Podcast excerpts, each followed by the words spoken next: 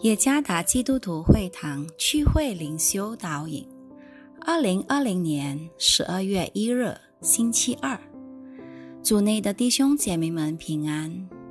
今天的灵修导引，我们将会借着圣经哥林多后书第九章五到十五节来思想今天的主题：慷慨施舍。作者彭卫国牧师。哥林多后书第九章第五节，因此我想不得不求那几位弟兄，先到你们那里去，把从前所应许的捐款预备妥当，就显出你们所捐的是出于乐意，不是出于勉强。少种的少收，多种的多收，这话是真的。个人要随本心的酌定，不要作难，不要勉强，因为捐的乐意的人是神所喜爱的。神能将各样的恩惠多多的加给你们，使你们凡事常常充足，能多行各样善事。如经上所记，他施舍钱财，周济贫穷。他的仁义存到永远。那赐种给撒种的，赐粮给人吃的，必多多加给你们种地的种子，又增添你们仁义的果子，叫你们凡事富足，可以多多施舍，就借着我们使感谢归于神。因为办这供给的事，不但补生徒的缺乏。而且叫许多人越发感谢神，他们从这供给的事上得了凭据，知道你们承认基督顺服他的福音，多多的捐钱给他们和众人，便将荣耀归于神。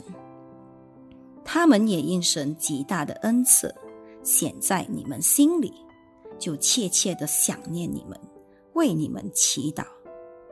感谢神，因他有说不尽的恩赐。保罗为教会信徒供给圣徒的事而感到欣慰。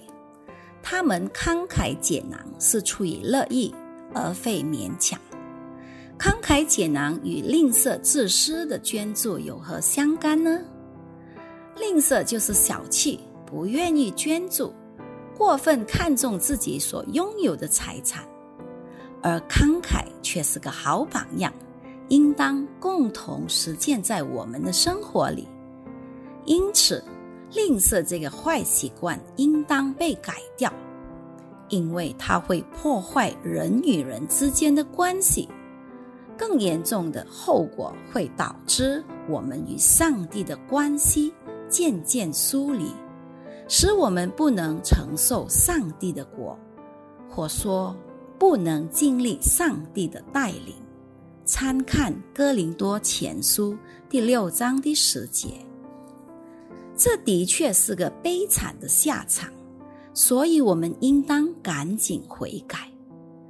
在哥林多后书第九章第五到十五节这段经文里，使徒保罗常对马其顿人夸奖哥林多信徒们的乐意捐助。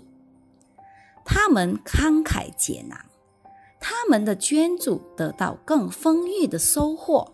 第六节，当他们乐意的捐助，他们的心灵更加富裕。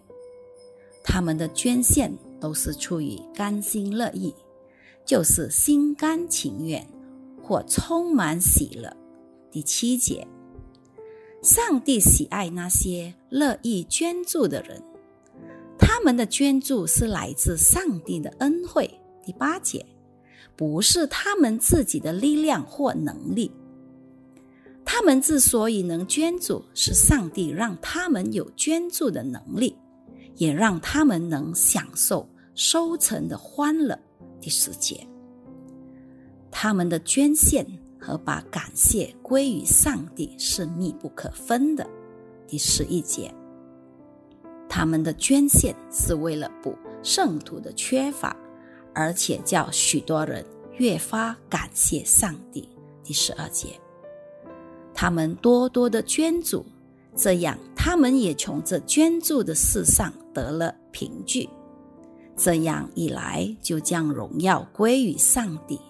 第十三和十四节，我们在基督耶稣里被塑造成一个乐意慷慨解囊的基督徒。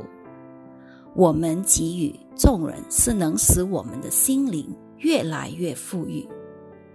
我们的捐助是甘心乐意和充满喜乐感的。我们的捐助是来自上帝的恩惠，而不是我们的本领与财富。我们的捐献与上帝在我们心灵里所栽种的真理果实是有连结关系的。以致我们能与其他人分享。我们的捐献离不开对上帝所赐下丰富恩典的心。我们的捐献主要是来帮补他人的不足，以致大家均平。我们多多的捐助，是印着我们对主耶稣和他真理的顺服。